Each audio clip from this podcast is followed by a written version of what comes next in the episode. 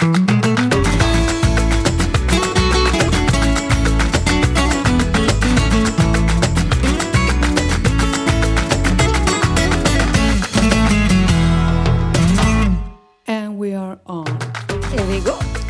är. Är är jag ser ju inte dig. Nej. Så jag har ingen aning om vi Det är är igång. jag som sitter här bakom den orangea kudden. Ja, jag har en, en härlig randig lila sak. Mm. Ja. Mysigt, mysigt. Nej, det är nästan så vi skulle sådär, podda live från, podd, från vår poddstudio. Vad tror du om det? Ja, eller hur?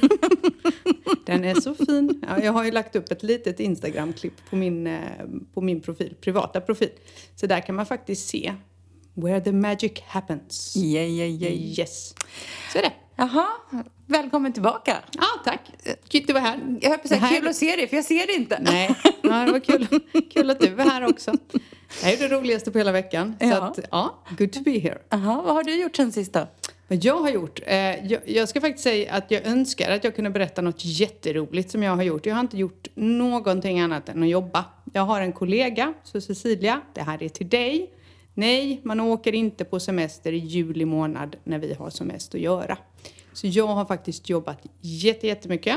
Ehm, och sen har jag varit hemma hos er och käkat middag, vilket var bra, för det var den enda pausen jag fick egentligen under förra veckan. Oh, jo, jag har spelat paddel också. Ja. Kan vi prata förresten om, om det här med middagen?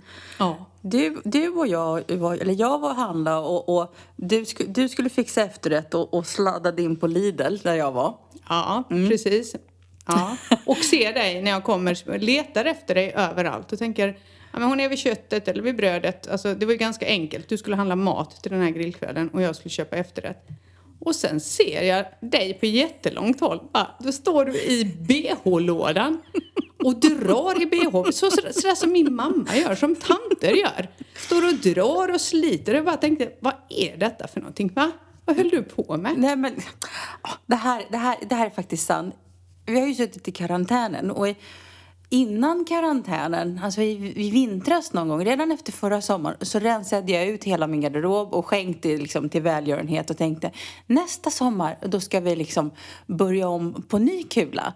Och sen så blev det ju vår och så blev det karantän så man har inte fått åka och handla. Och nu jobbar vi så mycket så nu har jag inte hunnit iväg och åka iväg och, eller haft energi.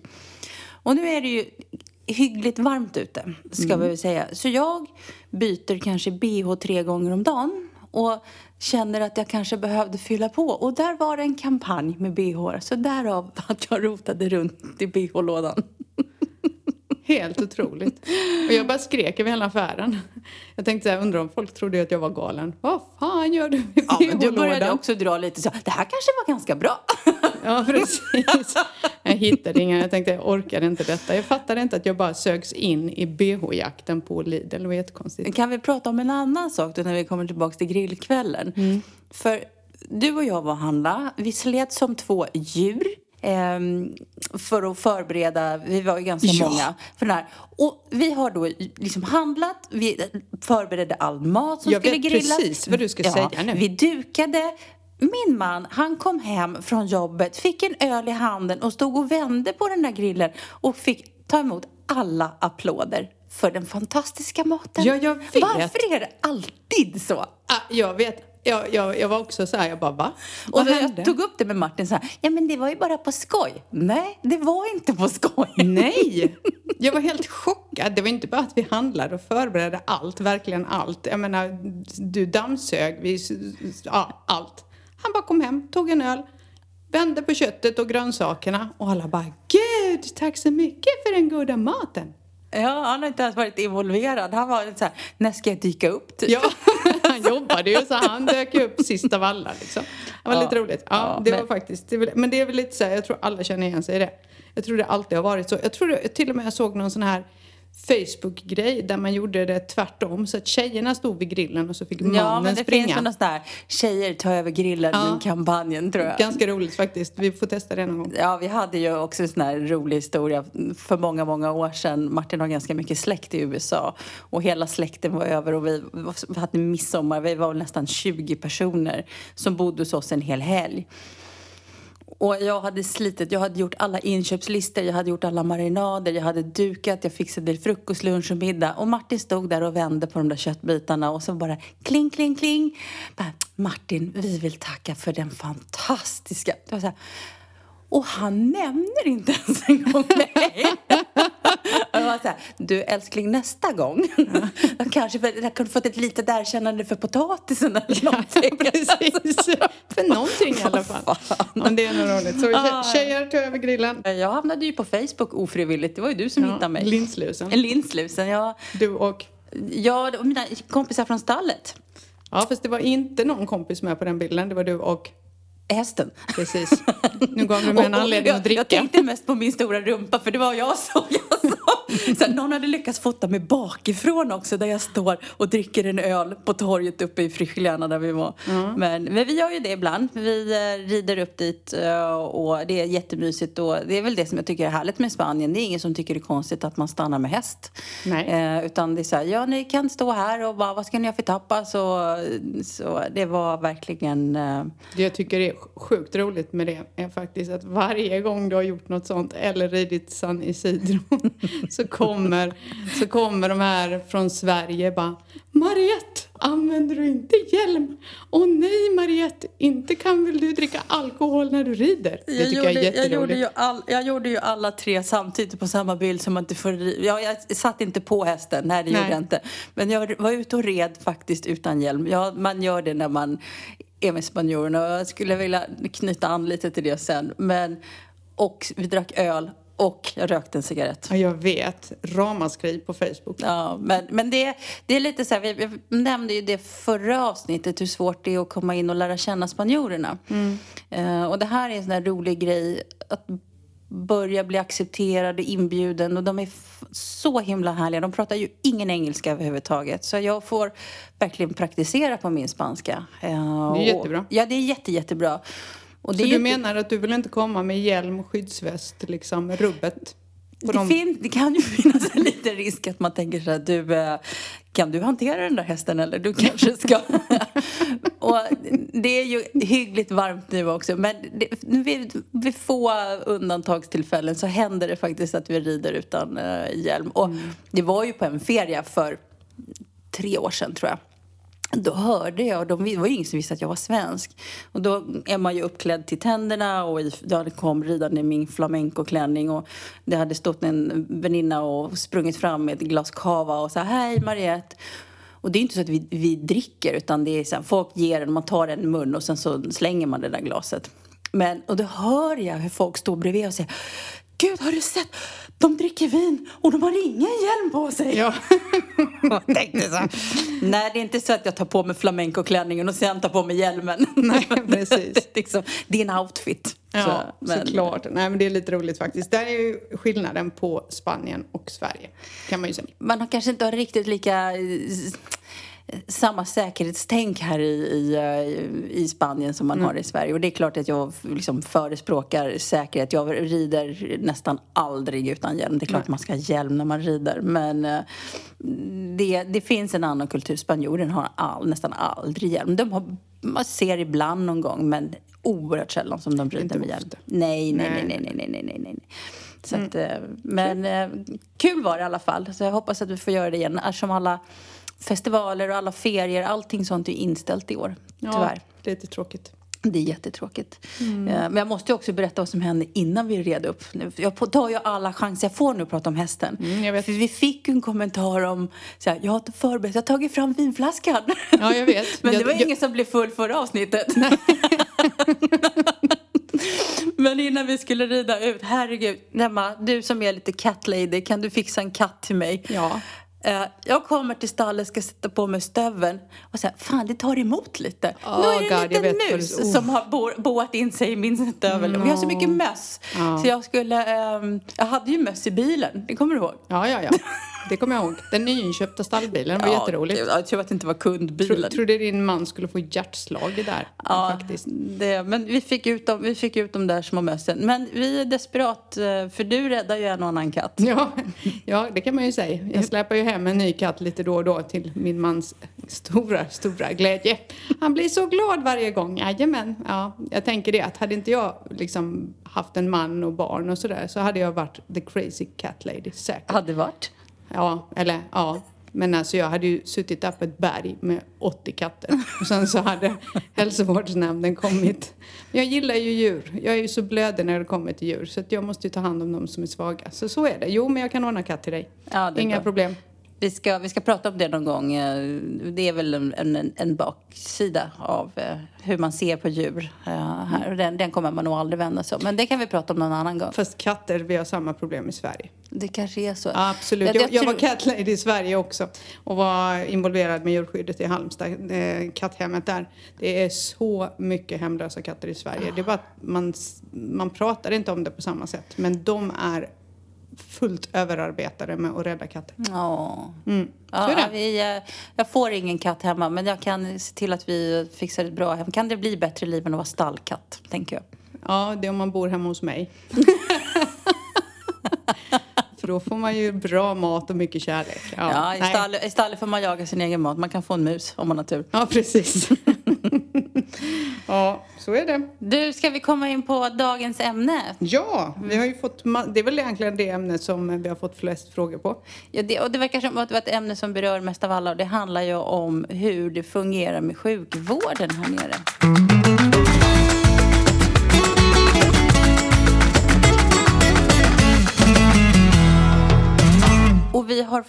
En fråga eh, som sa jag skulle vilja veta mer om hur spansk sjukvård fungerar när man flyttar till Spanien och helst då på svenska då min spanska inte är så bra. Eh, Åh, det, det kan jag berätta. ja, För det har jag precis lärt mig, det här visste inte jag om.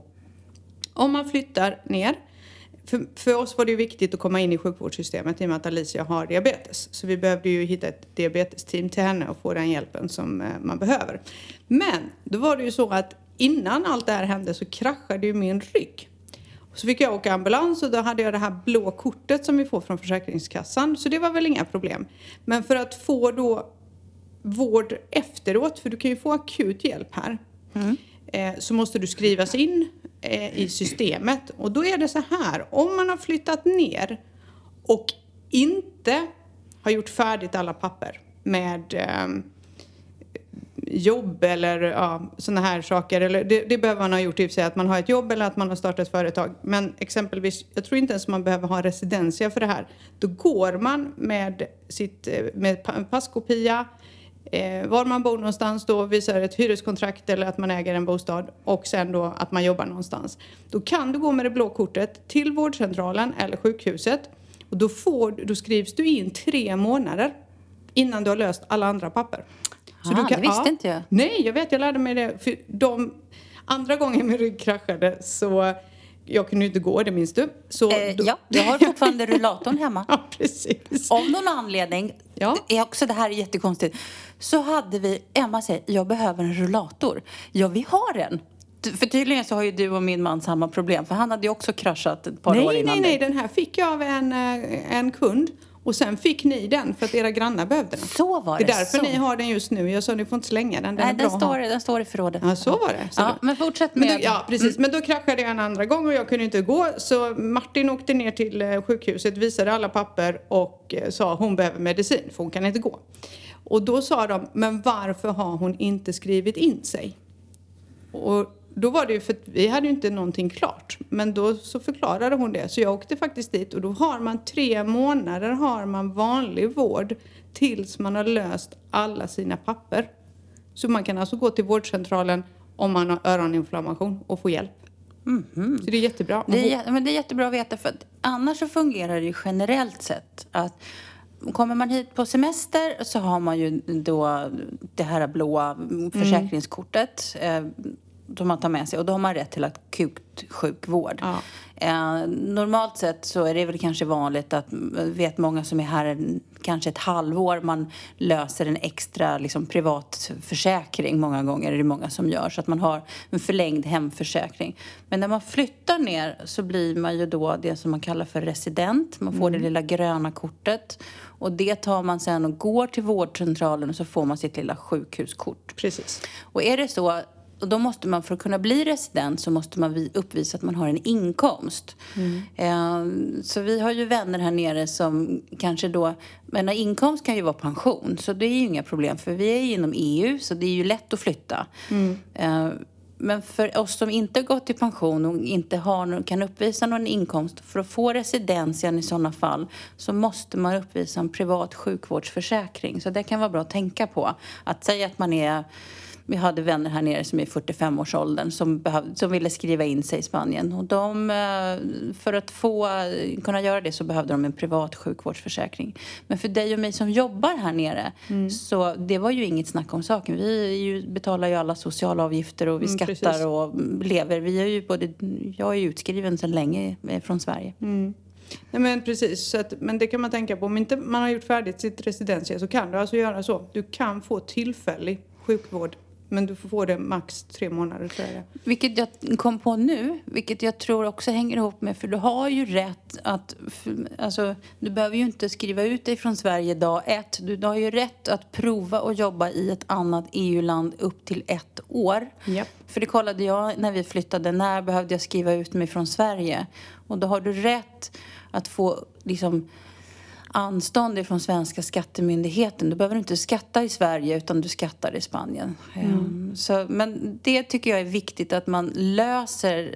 Alltså, för det är så lätt att man blir sjuk och så har man inte löst de här papperna. Och så, man vill inte hålla på med det när man väl har blivit sjuk. Så jag tycker man ska titta på det när man kommer ner. Mm, det är faktiskt ganska viktigt så man inte gör som jag. För hade jag gjort det här från början så hade jag ju fått hjälp för min rygg mycket snabbare. Men jag var ju korkad. Och jag hamnade i samma situation som dig. Jag vet inte om det här är något, liksom inne i våran familj, våra familjer, att vi alla blir sjuka. För jag flyttade ju ner, kom jag på lördagen. Jag tror att jag kom på en lördag. Och så började jag, gick jag ju i skolan. Jag pluggade ju spanska då när jag flyttade ner. Mm. Och sen så dagen två så satt jag jätteont i magen, jättekonstigt. Och så fick jag jättehög feber. Och då trodde jag att jag hade fått influensan, för det här var i februari. Och efter på dag, jag hade så fruktansvärt ont i magen. Jag kommer jag sov på badrumsgolvet. Och jag, det ska villigt erkänna, jag går inte till läkaren. Jag vet knappt hur man uppsöker läkare i Sverige. Jag har aldrig Nej, haft med sjukvården att göra. Till sist så säger jag, såklart på söndagen, säger jag till Martin, jag tror att jag måste uppsöka en läkare. Så vi frågade våra grannar och de sa, ja men det finns en bra läkare där nere. Och då hade vi ju ingen koll på att det var en privatläkare vi gick till. Ja, men det visade sig, kommer, kommer ju du ihåg, jag hade ju akut blindtarmsinflammation. Just. Så jag fick ju åka med ilfart till sjukhuset i Malaga. Där sög de ju in mig med, med alla möjliga konstiga dropp och, och fick ju inte äta på fyra dygn. Det var ju en bra bantningskur. Jag gick ner sju kilo på en vecka.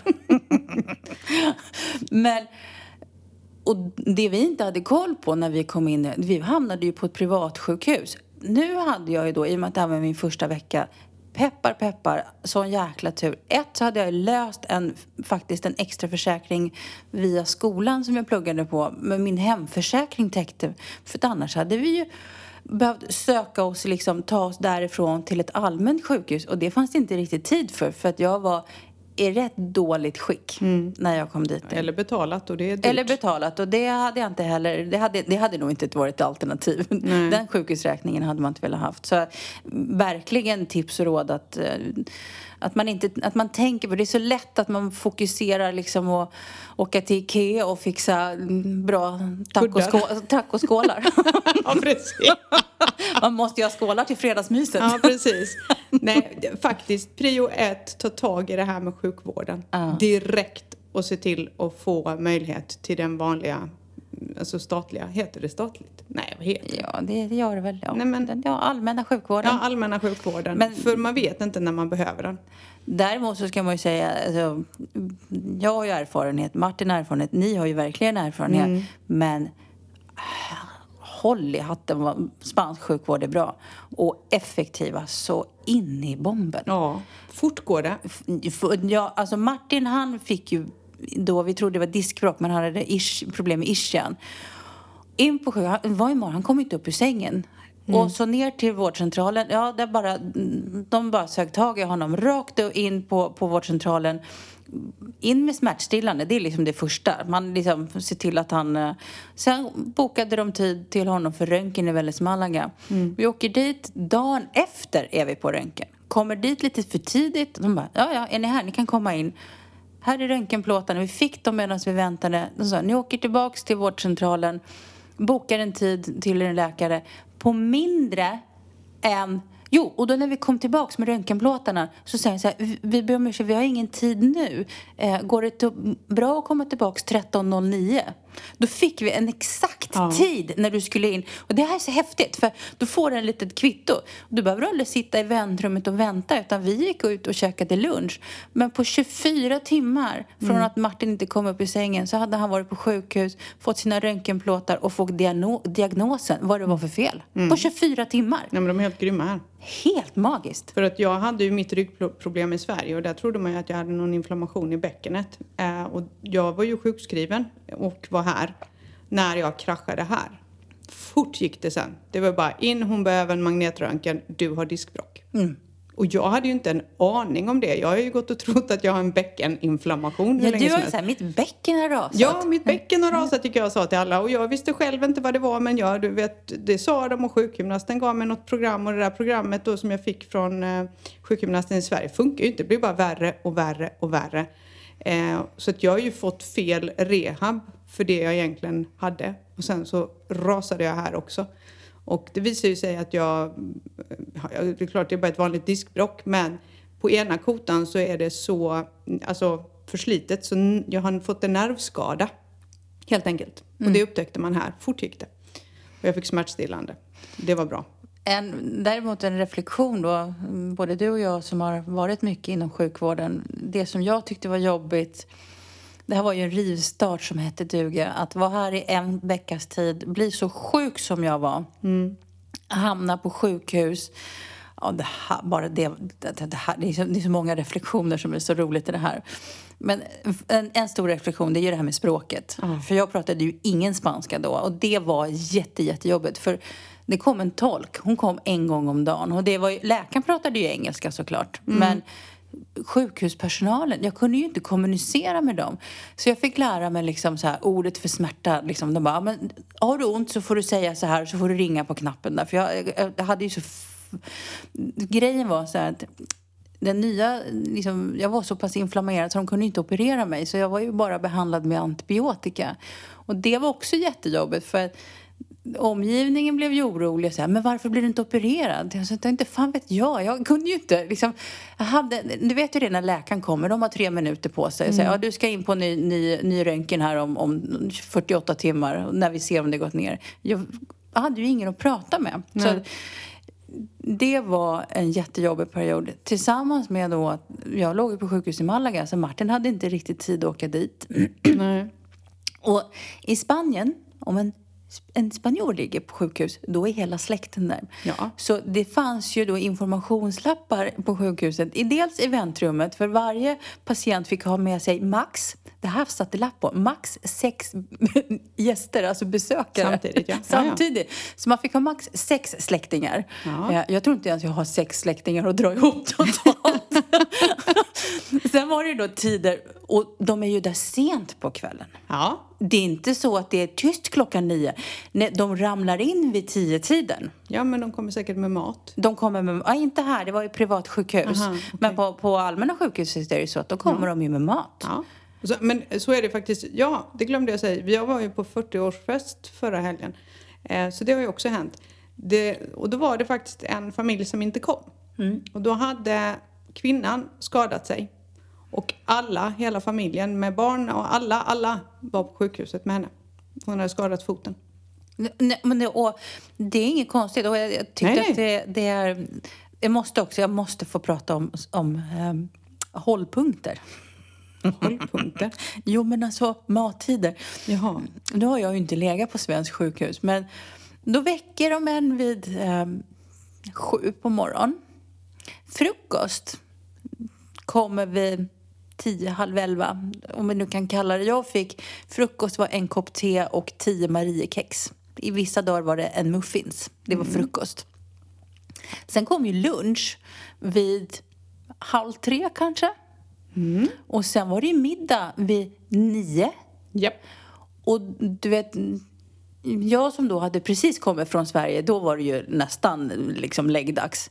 Och då släckte jag kanske lampan vid tio. Vid tolv, då knackar det på och rycker upp dörren och frågar om man vill ha kaffe eller te. För då var det kvällsfika vid midnatt.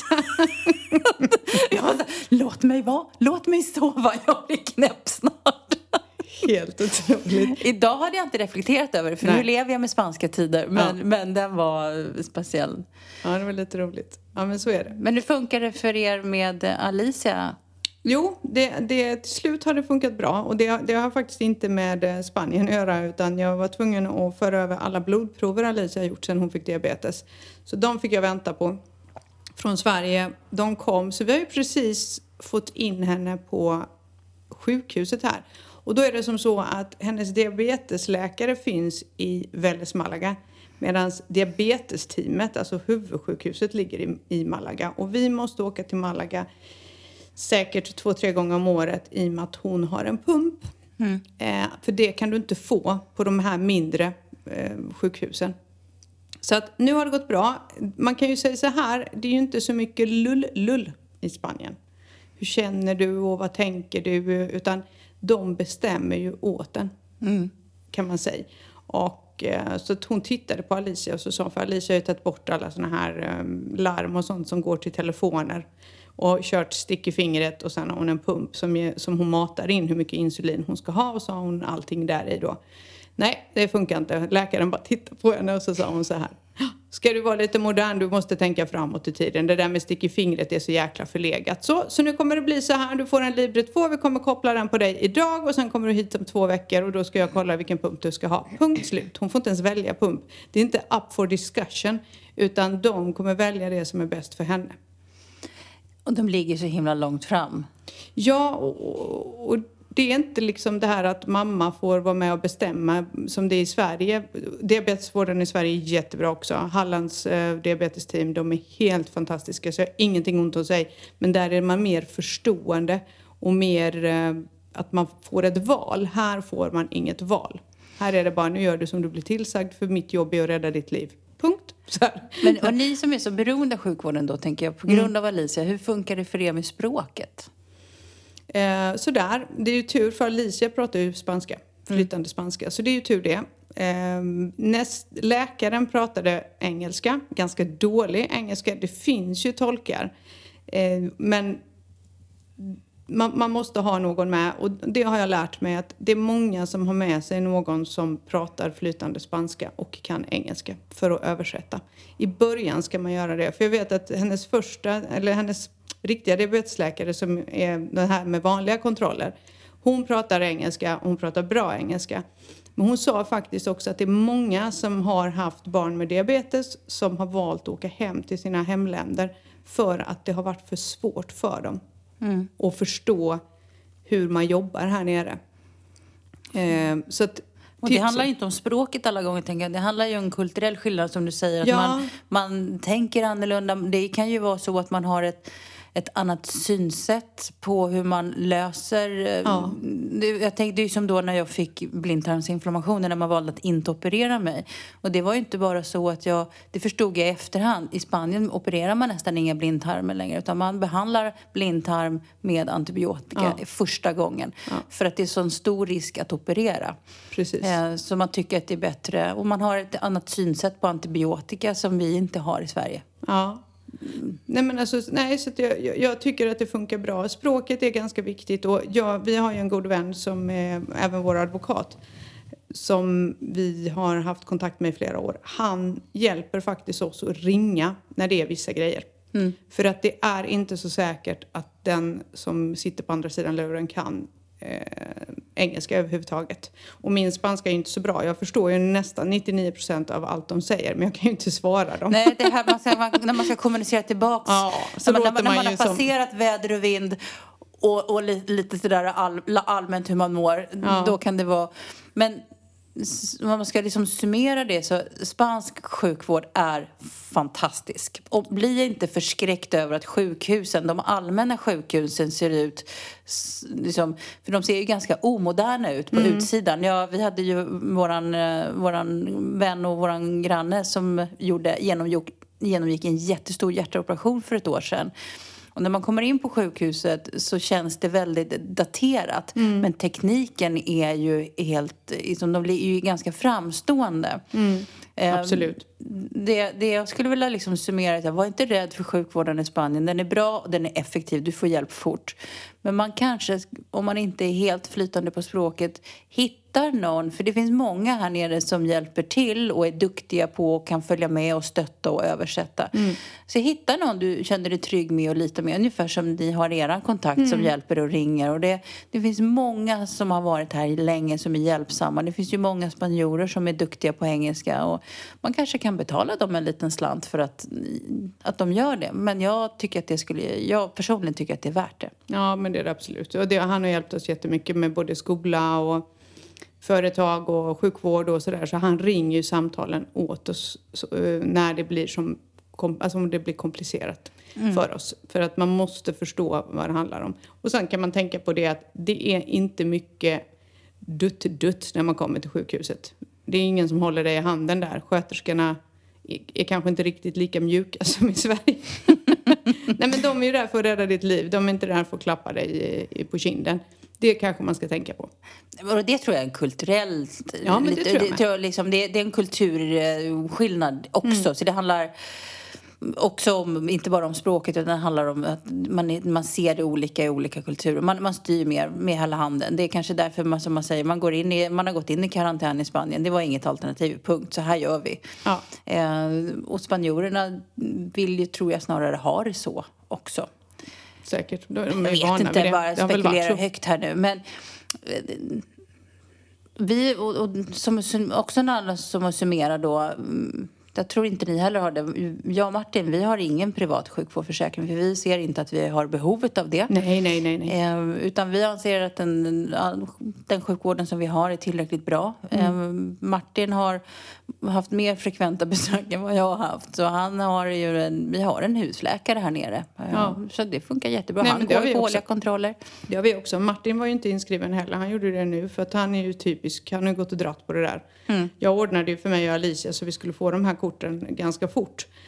Men han har ju struntat i det. Men så fick han ju ont bakom örat vid något tillfälle. Ja, det kommer jag ihåg. Ja, och då var det så här. Och då sa jag nu får du gå ner och så får du be om sånt där tre månaders anstånd tills du har ordnat alla papper. Eller så får du skriva in dig och då är det det här du måste ha med dig. Så då gjorde han det. Och det var så roligt. Samtidigt som han skrev in sig så tog en läkare honom åt sidan och sa ja ah, men vad är problemet? Och så förklarade han ju nej men jag har ont där. Jag vet inte om det är liksom öroninflammation eller vad det är. Han tittade på honom, kände på honom och så sa han nej, sa han du har fått en inflammation bara bakom örat. Det kan vara så att du har haft AC på i sovrummet. Så fick han antiinflammatoriska och så bara tack och hej. och, och mycket riktigt, alltså, han var borta i typ 20 minuter, det var så roligt. Så kom han tillbaka och bara, nej jag fick medicin. Och han åt den i några dagar, en an- vanlig så här, som Ipren var det. Och sen var det borta.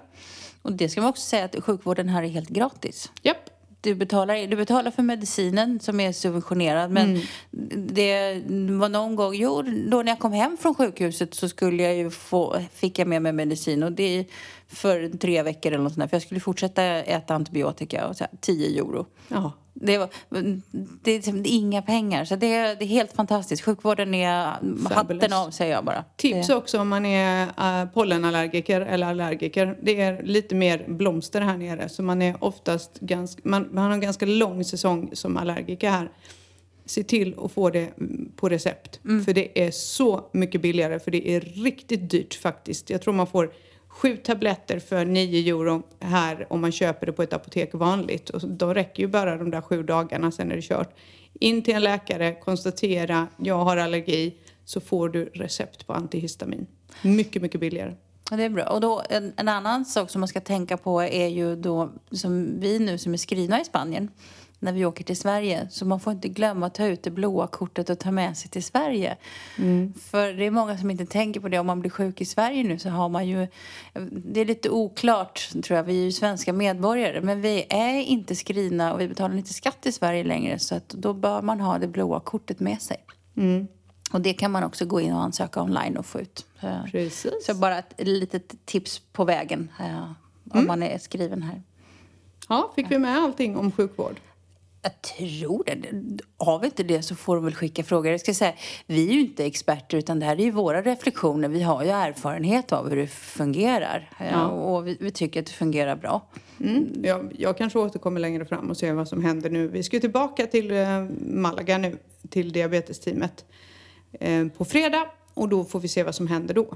Ja. Det ska bli intressant att se hur de gör. För att vi, när vi var där så sa de så här, okej bra, nu har vi alla era papper, gå ner till labbet, ta ett prov, kom tillbaka hit när det är klart. Det tar tio minuter och det gjorde vi för att vi skulle se Alicias eh, långtidssocker. För det var, det var det de var intresserade av. Så det var otroligt, otroligt effektivt faktiskt. Mm. Så, sjukvård avklarat för dagen. För dagen, för den här gången. Nästa sagt, vecka. Ni, ni får, har ni mera specifika frågor så, så får ni höra av er.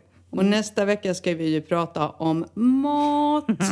Haha, det är väl det bästa som finns. Jag är ju total foodie och det är ju du med. Jag, jag, alltså, jag, I alla fall till att äta. Ja. Jag är inte riktigt lika sådär på att laga mat som du. Jag, jag, jag kan vara lite periodare på att laga mat men, men jag, du vet att jag mer än gärna äter. Sist när vi just är, du gjorde ju om eh, när vi var och Ja. käkade mexikan. När jag, när jag bara låg och pustade i, stå, i, stolen. Jag, bara, jag måste åka hem nu, jag kan, inte, jag kan inte stå, jag kan inte sitta. Men jag älskar ju att laga mat. Men det är det fina, du gillar att äta, jag gillar att laga. Så det blir ganska naturligt. Ja, det är ganska tacksamt att bjuda mig på mat. Ja, men det är det absolut. Du Mm. äter ju allt. Men nu är det så här Mariette, jag har en liten utmaning Åh, till nej. dig. Åh, du nej. får, jo. Inga nej, du, må- nu, utmaningar. Okej, jag har en Okej. utmaning. Du Ja, får säga ja roligt. eller nej. Ja, precis. Tack. Gud så roligt! Ja, grej, så då. Nu måste du säga ja, ja eller nej. Är du på? Ja, ja, jag säger väl ja då. Mm. Så här är det. Jag har försökt att få dig att dricka selleri varje morgon på tom mage. Ja. Jag har försökt i flera veckor. Du gick bara, åh, du gick igång och så skulle du göra det. Jag tror du gjorde det en dag, sen slängde Nej, du sellerin. Okej, två dagar. Sen slängde du den sellerin. Och sen har jag ju sett dig köpa selleri och jag vet att du inte har druckit den där juicen. Jag vet ju det. Så min utmaning till nästa vecka. Du har alltså en vecka så ska du dricka fem deciliter sellerijuice. Måste man dricka fem? Ja. Det Ja. är ju jättemycket selleri. Ja, jag vet. Ja. Det är en bunte ungefär, lite mer än en bunte just nu för de är inte så saftiga. Fem deciliter, okej fyra och en halv deciliter. Men du sa ju tre buntar för fem deciliter. Nej, en bunt är ungefär 4,5 deciliter så det brukar räcka. Ja, Mät ja, upp så märker du. Det beror på hur den är, om den är saftig eller inte. Men du ska dricka på tom mage minst 4,5 deciliter, gärna 5, varje morgon. Och jag vill ha bildbevis på sociala medier. Jag ska göra mitt bästa. Det fina är ju att Lidl har öppet så du kan köpa selleri på väg härifrån sen. Tyst med det. Lidl har öppet på Jag, jag kanske söndagar. behöver komplettera med en till bh Ja, så då fick jag en anledning att åka dit. Precis, selleri och bh. Det är det. Ja, men-.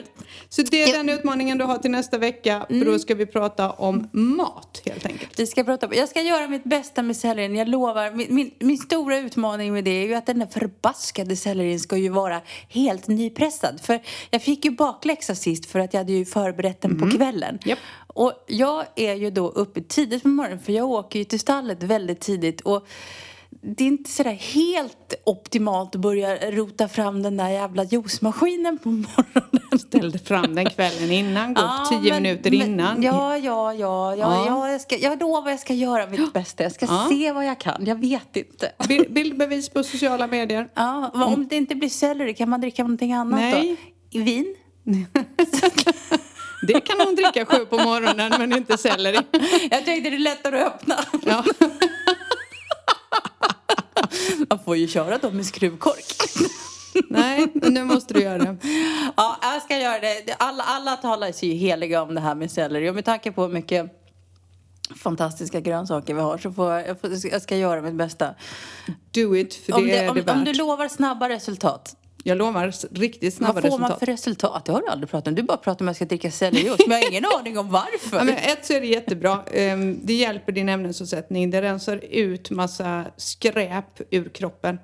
Ehm, Du, du kommer bara märka det. Just do it. Gör som jag säger. För jag märkte efter tre, fyra dagar märkte jättestor skillnad. Och du får en helt annan eh, hy, lyster. Nej, men det är för att du har fått nya Nej, hudvårdsrutiner. det är inte det. Jo!